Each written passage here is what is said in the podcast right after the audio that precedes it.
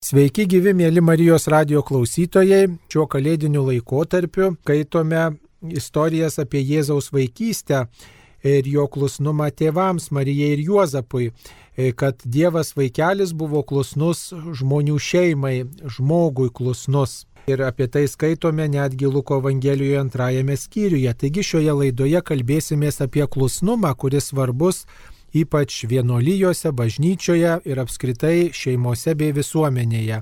Šioje laidoje e, dalyvauja Šventojios šeimos seserų kongregacijos vyresnioji sesuo Inga Bernadeta Lienytė. Garbė Jėzui Kristui, mėla sesė. Per amžius, garbė Jėzui Kristui. Taigi labai ačiū, mėla sesė, kad jūs sutikote dalyvauti šioje laidoje ir tiesiog pasikalbėti tokia, sakyčiau, jautria tema kaip klusnumas. Taigi priminiau Evangeliją pagal Luką antrąjį skyrių ir ten rašoma, kad Jėzus buvo klusnus savo tėvams, Marijai ir Juozapui.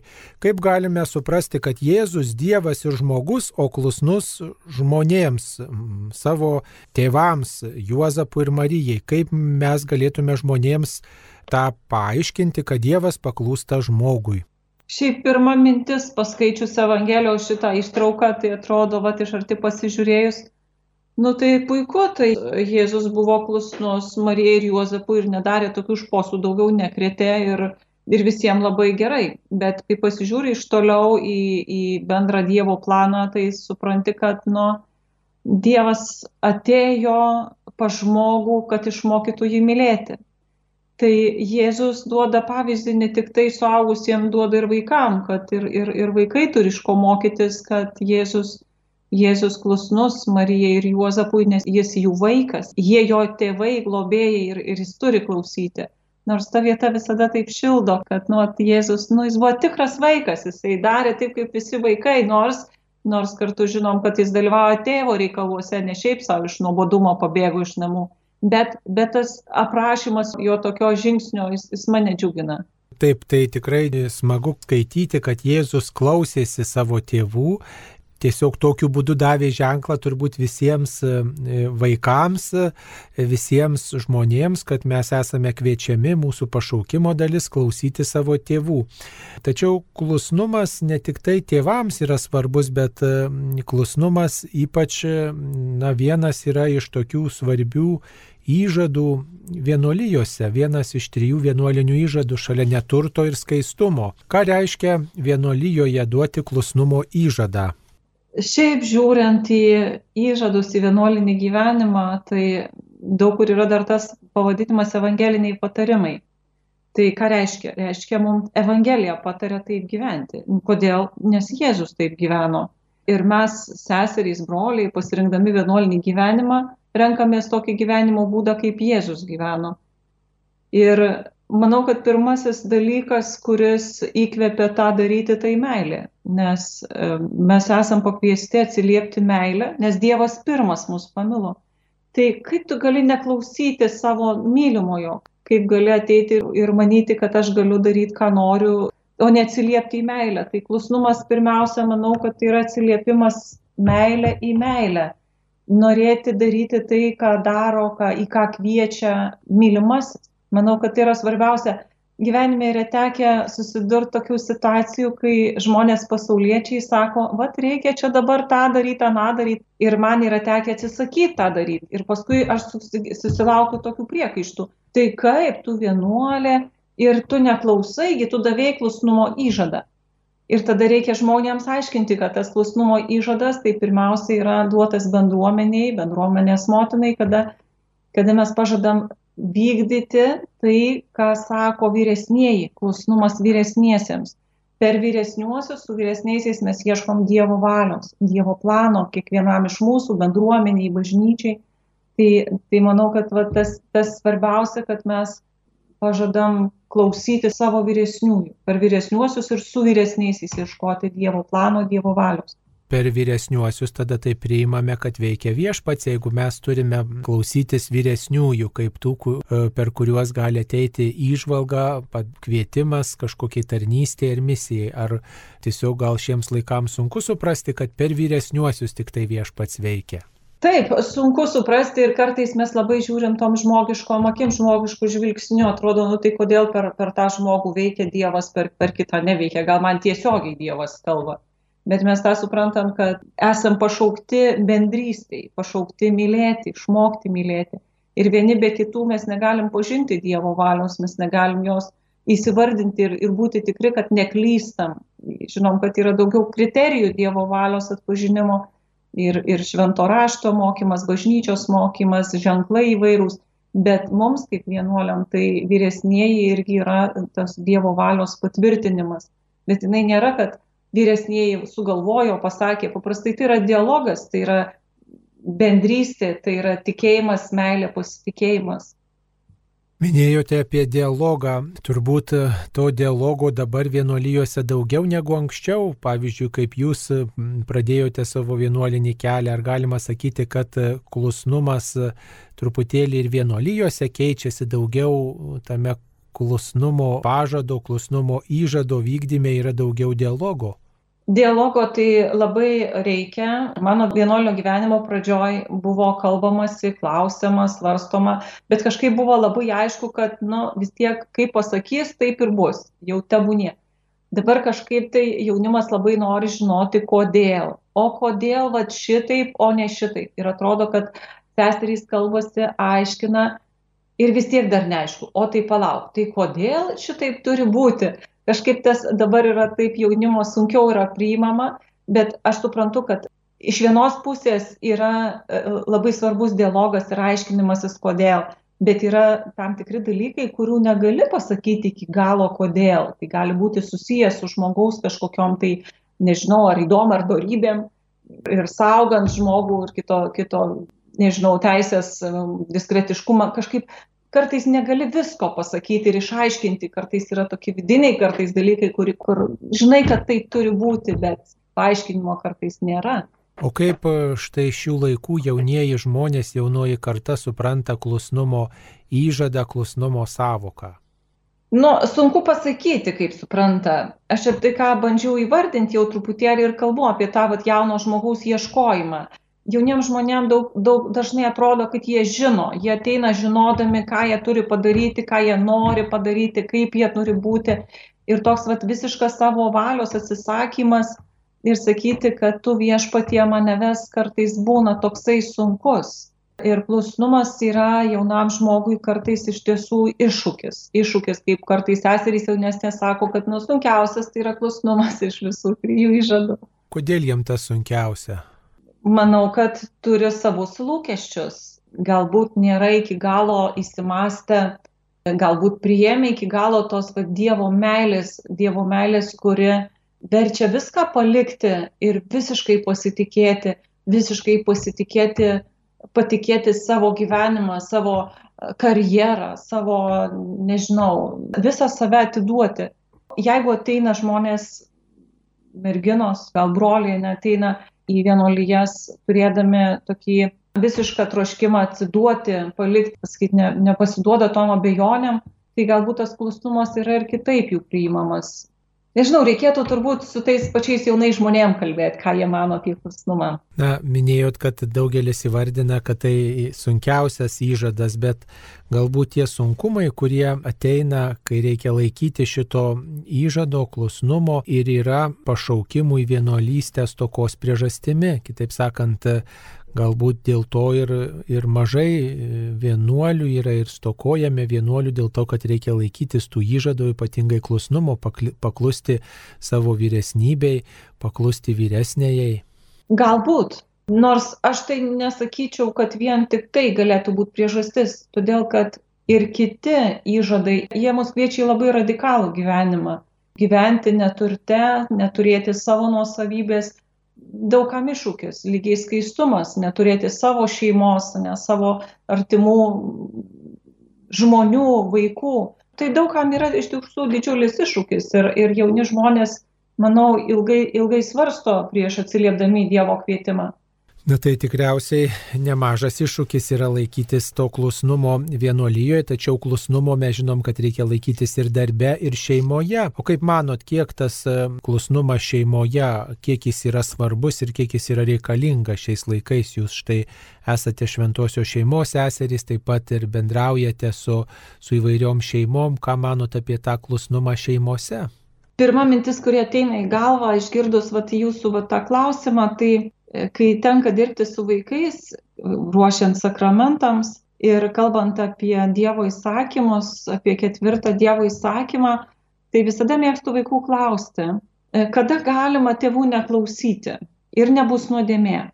Tai vaikų akis tik tai sužyba, oho, dar yra ir toksai dalykas ir visai jiems pasidaro įdomu. Ir paskui mes įsiaiškinam su vaikais, kad tėvų gali neklausyti jeigu esi pilnametis, gali savarankiškai gyventi ir jeigu tėvų nurodymai prieštarauja Dievo ar bažnyčios įsakymams. Nu, tai tada jie supranta, kad, nu, taip, taip, tai dar negreit. Reiškia, dabar turim, turim tėvų klausyti. Iš tiesų, klausyti vaikai tėvų turi. Ir kartais matosi šio laikinėse šeimose, kad kartais tėvai galvoja, kad vaikas gali turėti laisvę daryti, ką nori, ką nori. Į tai manau, kad nu, klysta, klysta tėvai palikdami vaikams labai daug laisvės. Laisvė yra gerai, bet laisvė yra, kai mes mokomės mylėti, o norint mylėti, tai turi klausyti, įsiklausyti ir paklusti. Turi mokytis mylėti, turi mokytis daryti gerą. Todėl labai tas svarbu. Ir kita mintis, kurią noriu dar truputį šiuo klausimu dalintis iš to laiško feziečiams, kur rašo moterims, žmonoms, būkite klusnios savo vyrams, o vyrams sako, mylėkite savo žmonas. Ir kažkaip kalbant irgi su, su žadėtiniais, su sutuoktiniais, kažkaip man visada graži ta vieta, Paulius laiško ir, ir atrodo, kad, nu tai įsimastykim, tai jeigu vyras myli žmoną kaip Kristus bažnyčia, kuris guldo savo galvą už ją, atiduoda gyvybę, tai kaip tu gali neklausyti tokio vyro? Bet iš kitos gi pusės ne visada tie vyrai galvas guldo, tai tada čia kyla įvairios problemos ir klausimai. Bet žmogus, aš manau, pašauktas vis tik klausyti ir paklusti. Turi šeimoje, aš manau, yra labai yra svarbus dalykas tam gyventi įsiklausime ir susiklausime, kalbėjimėse. Štai minėjo žodį įsiklausyti. Įsiklausyti tai turbūt reiškia kalbėtis ir išgirsti, ką kitas sako. E, kaip manot, e, kiek šių laikų žmonės linkia įsiklausyti ir apmastyti tuos svarbius žodžius ir nesvarbius žodžius, kuriuos pasako kiti žmonės ir kiek mes įsiklausome, išvelgiame gilesnę įvykių prasme, e, įvairių reiškinių prasme, kiek padarom išvadas, ar tiesiog, kaip sako, girdim, bet, bet neįsiklausom, nesuprantam, nepriimam. Praeina, per vieną ausį eina, per kitą išeina. Gal taip dažniausiai yra?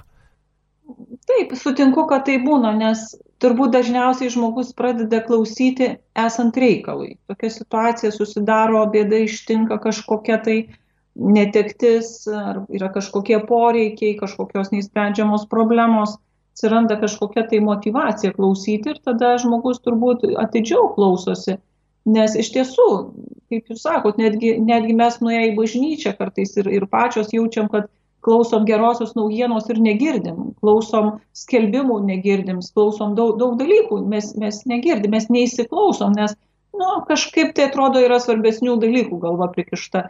Manau, kad patys mes turėtumėm kažkaip tai užsimotivuoti ir klausytis, nes labai svarbu, ypač kažkaip tai prisimenu tą dabartinę situaciją, kaip vat, paskelbtas karantinas sako, ne, reikia nevažiuoti niekur, sėdėti namuose ir kai pasižiūri žinias, kiek žmonių turi policija gražinti, nes jie dar vis kažkur važiuoja, nes jie dar negirdėjo, jie nežino, kad čia, kad čia karantinas, kad čia negalima važiuoti. Tai taip pat, pat atrodo, nu, kaip mes girdim, va, taip mes ir girdim, mes, mes tiesiog arba girdim ir, ir nenorim klausyti, nenorim paklusti, arba mes tiesiog negirdim, nes, nes kažkur tai trūksta motivacijos, kažko va, trūksta priežasties girdėjimui.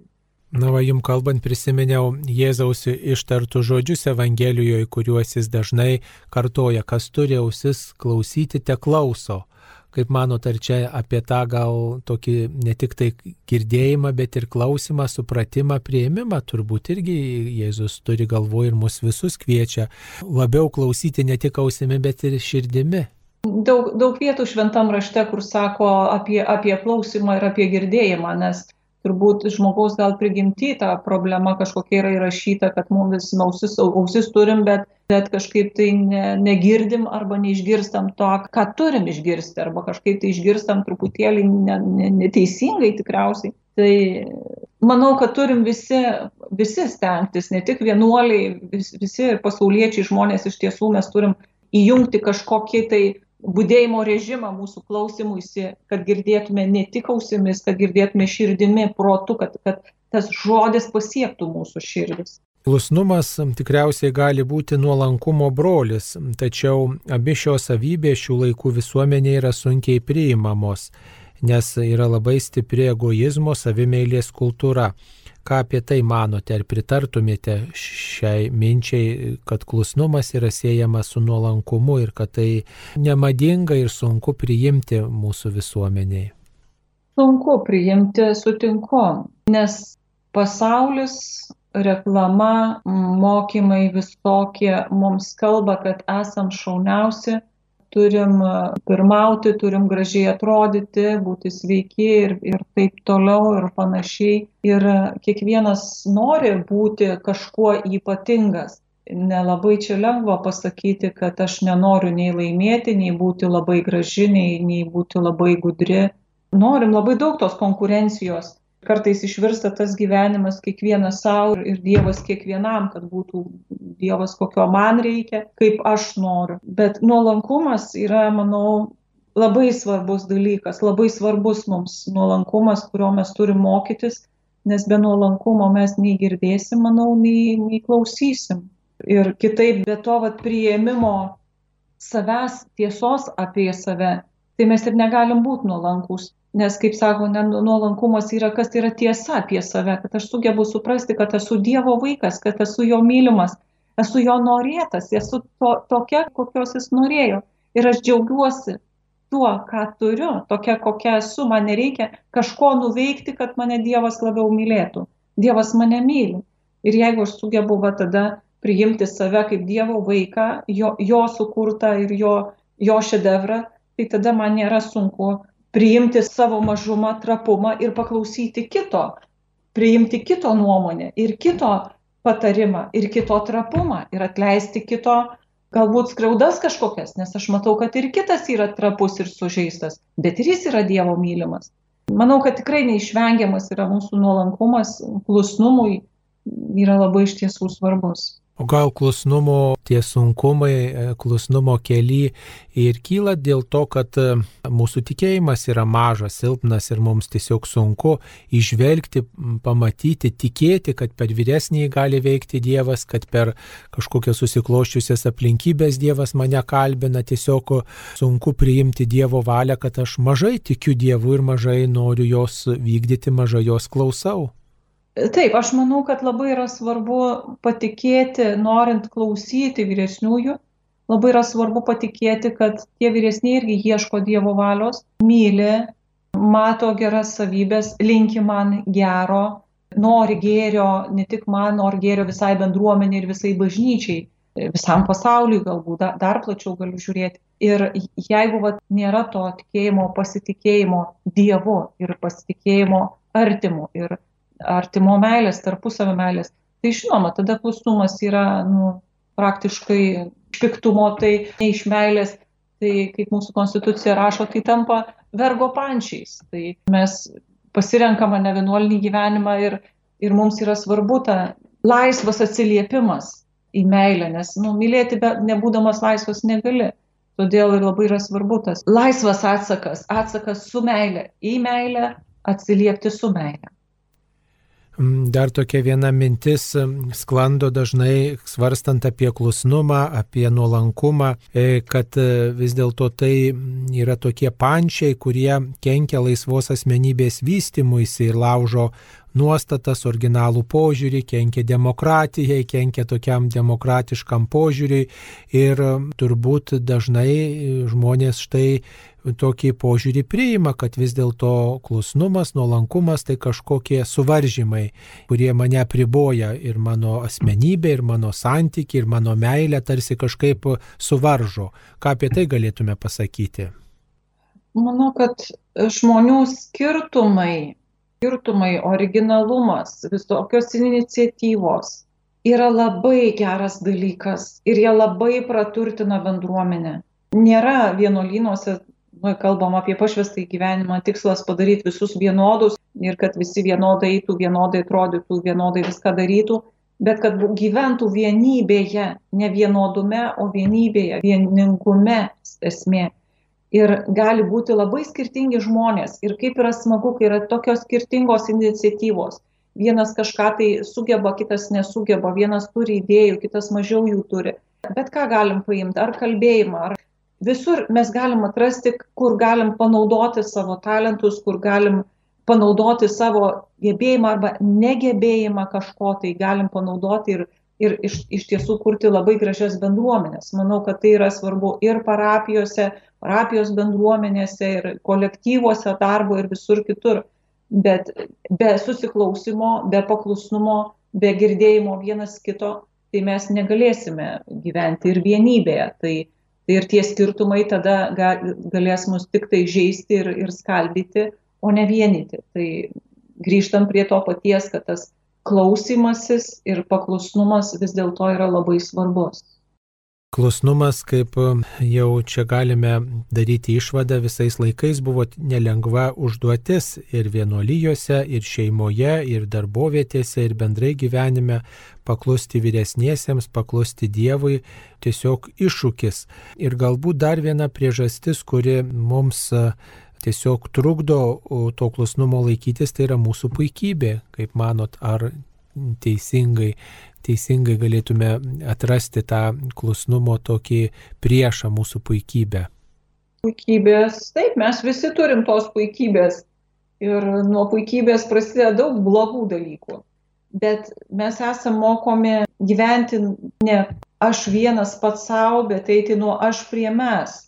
Mums labai gražiai, čia kelis metus vedė rekolekcijas toks tėvas Amadėjo Ferrari, labai mums kalbėjo apie tokias dvi dvasingumo gyvenimo kolonas kertinės. Jis kalbėjo, kad yra mano santykis su Dievu ir mūsų santykis su Dievu. Ir kaip yra svarbu, jeigu mes gebame atrasti va, tą Dievą, Dievą esantį tarp mūsų, Dievą esantį su mumis. Ir tai mus natūraliai gydo iš tos puikybės. Aš galiu atsisakyti to savojo aš, savojo senojo egoistinio, savanaudžio mirti senajam aš, kad galėtume gyventi kaip mes, kaip bendruomenė, kaip, kaip Kristaus kūnas, ne, atrasti Dievo veikimą, matyti brolyje Dievą, matyti seseryje Dievą esantį. Tai aišku, tai nėra lengva užduotis, tai nėra lengva užduotis, bet mes esame visi kviečiami į tai, mes negalim gyventi kaip egoistai išpuikę ir, ir, ir visai kitaip, mes turim žiūrėti į kitą, turim atsisukti į kitą kad gebėtume dovanoti, kad gebėtume tarnauti. Minėjote apie Dievo veikimo patirties tokį pastebėjimą, išgyvenimą, atpažinimą, o kas dar galėtų išmokyti klusnumo, išmokyti atpažinti, kad štai va ta patirtis, kuri man yra naudinga ir iš jos galiu išmokti klusnumo. Kažkaip prisiminiau kai kurias savo gyvenimo patirtis. Gal tai nėra visai tiesiog jūsų atsakymas, tikslius atsakymas į jūsų, jūsų klausimą, tokios ateina tiesiog mintys, kuriuom noriu pasidalinti. Kažkada tai mane vyresnėji siuntė dirbti į Vilnių, į tarnystę į vieną iš parapijų, aš labai neturėjau patirties tam darbui. Ir atrodė, nu tai ką aš ten veiksiu, ką aš ten darysiu, mano tas įsilavinimas visai nei tema ir viskas labai nei tema atrodė. Ir aš supratau per tą laiką Vilniui tam darbo parapijai tarnystės, turėjau mokinti vaikus ruošti pirmai komunijai, paskui prasidėjo tėvų katechezės. Ir man buvo taip smagu atrasti, kad aš galiu kalbėti vaikam, aš galiu būti su vaikais. Ir aš supratau, kad jeigu ne vienuolynas, jeigu ne vyresnėji, aš būčiau niekada to nežinojus. Ir supratau, kad nu gali labai per tą klusnumą atrasti save, atrasti dalykus, kurių išdrysti daryti tai, ko niekada nedarai. Iš kitos pusės aš labai suvokiau tą, kad kol esi jaunas, labai norisi visko daug daryti. Eiti paštalauti visam pasauliu, skelbti Jėzų.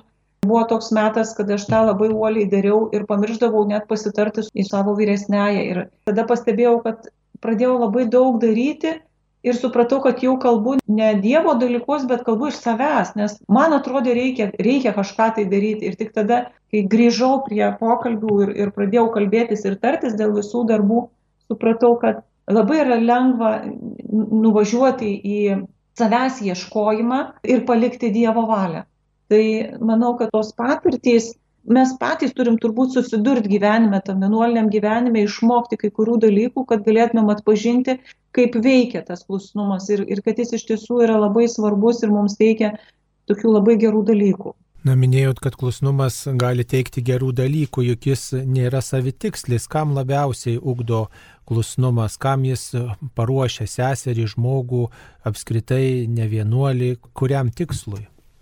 Aš manau, kad mes galėtume dar labiau įsiklausyti į viešpaties balsą, kad labiau galėtumėm atpažinti jo planą, kad galėtumėm e, kurti tą Dievo meilės karalystę pasaulyje. Už tai, kad, na, iš tikrųjų tai norisi daryti kaip man patogiau, bet, bet kai esam susitikę viešpatį savo gyvenime, tai tada norisi, kad ir kiti būtų laimingi, kad kiti būtų pilni džiaugsmo, kad gyvenime būtų daugiau šviesos, kaip dabar vat, Dievo žodis šitom dienom kalba.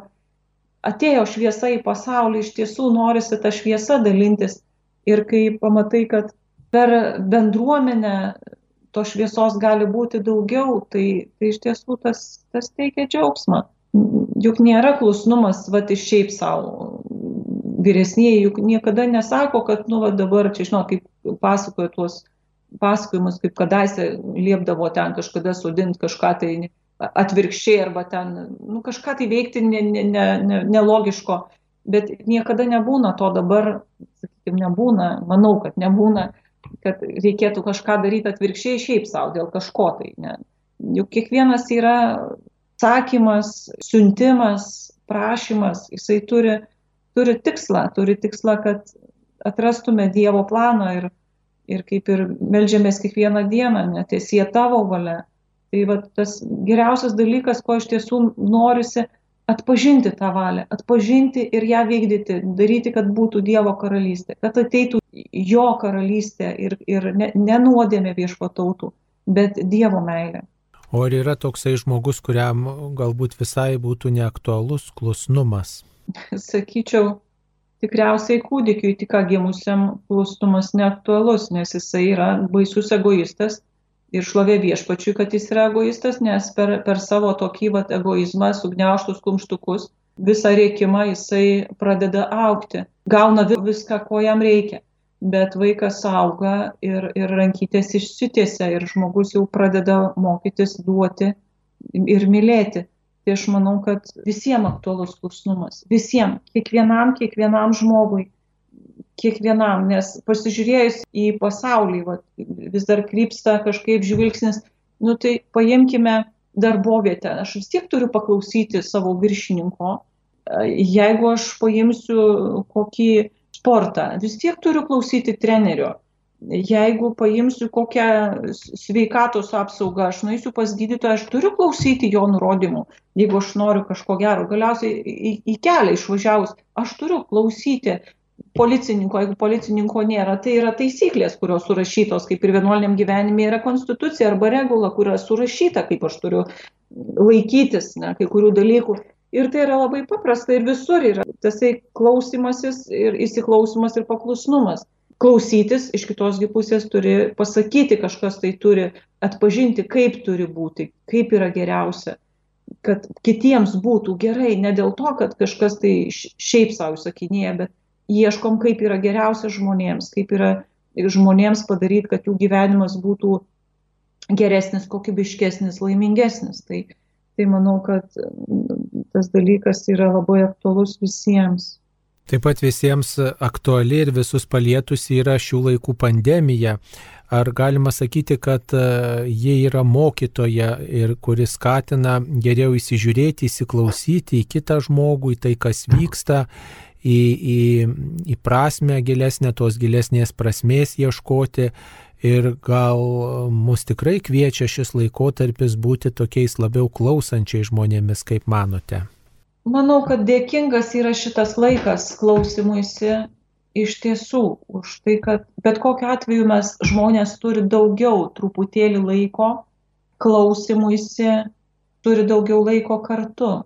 Neišvengiamai turi dalis šeimų daugiau laiko praleisti namuose ir girdėti ir matyti vieni kitus. Iš kitosgi pusės prisiliečia dalis prie lygų, prie mirčių.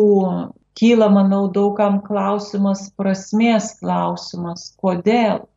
Galbūt ir tikėjimo klausimas kyla, kurgi yra Dievas, kodėlgi taip viskas vyksta. Gal kiti klausia, kągi Dievas mums nori pasakyti per tą pandemiją, kad čia niekas nesikeičia, gal čia mes melžiamės ir niekas nevyksta. Bet manau, kad daug dalykų vyksta ir, ir labai gražių dalykų vyksta žmonių širdyse, nes e, žmonės pradeda daugiau melstis. Gal ne visi, negaliu sakyti, kaip yra daugelio širdyse, bet kiek tenka girdėti, matyti, kad žmonės tą laiką išnaudoja, tą laiką išnaudoja gražiems dalykams ir daryti gerus darbus vieni kitiems, prisimena žmonės, kurie yra gal vieniši, gal toli. Netgi čia būnant ir vienuolynė, tas jaučiasi, kad žmonės prisimena, žmonės nori daryti gerus darbus, jie paklausia kartais ir mūsų sesijų net, ar, ar jums viskas gerai, ar jūs, ar jūs turite iš ko gyventi ir kažkaip tai suprantu, kad iš tiesų žmonės šyla, atšyla ir, ir kažkaip tai jų ausys atsiveria. Bet kaip tai bus toliau, tai matysim, žiūrėsim, kaip, kaip mes čia toliau gyvensim ir ką Dievas mums iš tiesų nori pasakyti per, per tuos dalykus. Na, apibendrindami mūsų pokalbį ir galime daryti tokias išvadas, kad klusnumui tikrai svarbu mylėti tą žmogų, kuris štai yra mano vyresnysis arba kuris štai kviečia vienam ar kitam dalykui, taip pat visuomet išskirti turbūt žinę, kurią girdžiu iš kitų žinių, iš kitų, iš kitų garsų, iš kitų įvykių. Ir taip pat na, labai svarbu klusnumą priimti kaip kelią pas viešpati, kad galiu prie, per klusnumą priartėti prie paties Dievo, galiu patirti jo artumą, labiau su jo asmeniu vienytis. Galbūt tam ir reikia mums klusnumo, ar galime taip apibendrinti mūsų pokalbį. Taip, manau, kad klusnumas iš tiesų mums padeda artintis prie viešpaties, padeda įsiklausyti, padeda atpažinti jo valią, padeda pasitikrinti jo valią. Nes platesnis žvilgsnis, kai žiūrim keliese į situaciją, kai žiūri kelios širdys. Bet aš manau labai yra svarbu vis tik tai patikėti kito geranoriškumu, kito meilę, kito gero linkėjimu. Nes manau, kad dažnai mes nenorim klausyti, nes netikim, kad mus myli, netikim, kad linki mums gero. Manau, esam kviečiami sukurti laisvi, kviečiami mylėti ir tą meilę dalintis. Tai tiek klausydami, tiek duodami kažkokius nurodymus, manau, turim būti visiškoje viešpaties meiliai, visiškai pasitikėjime Dievo meilė.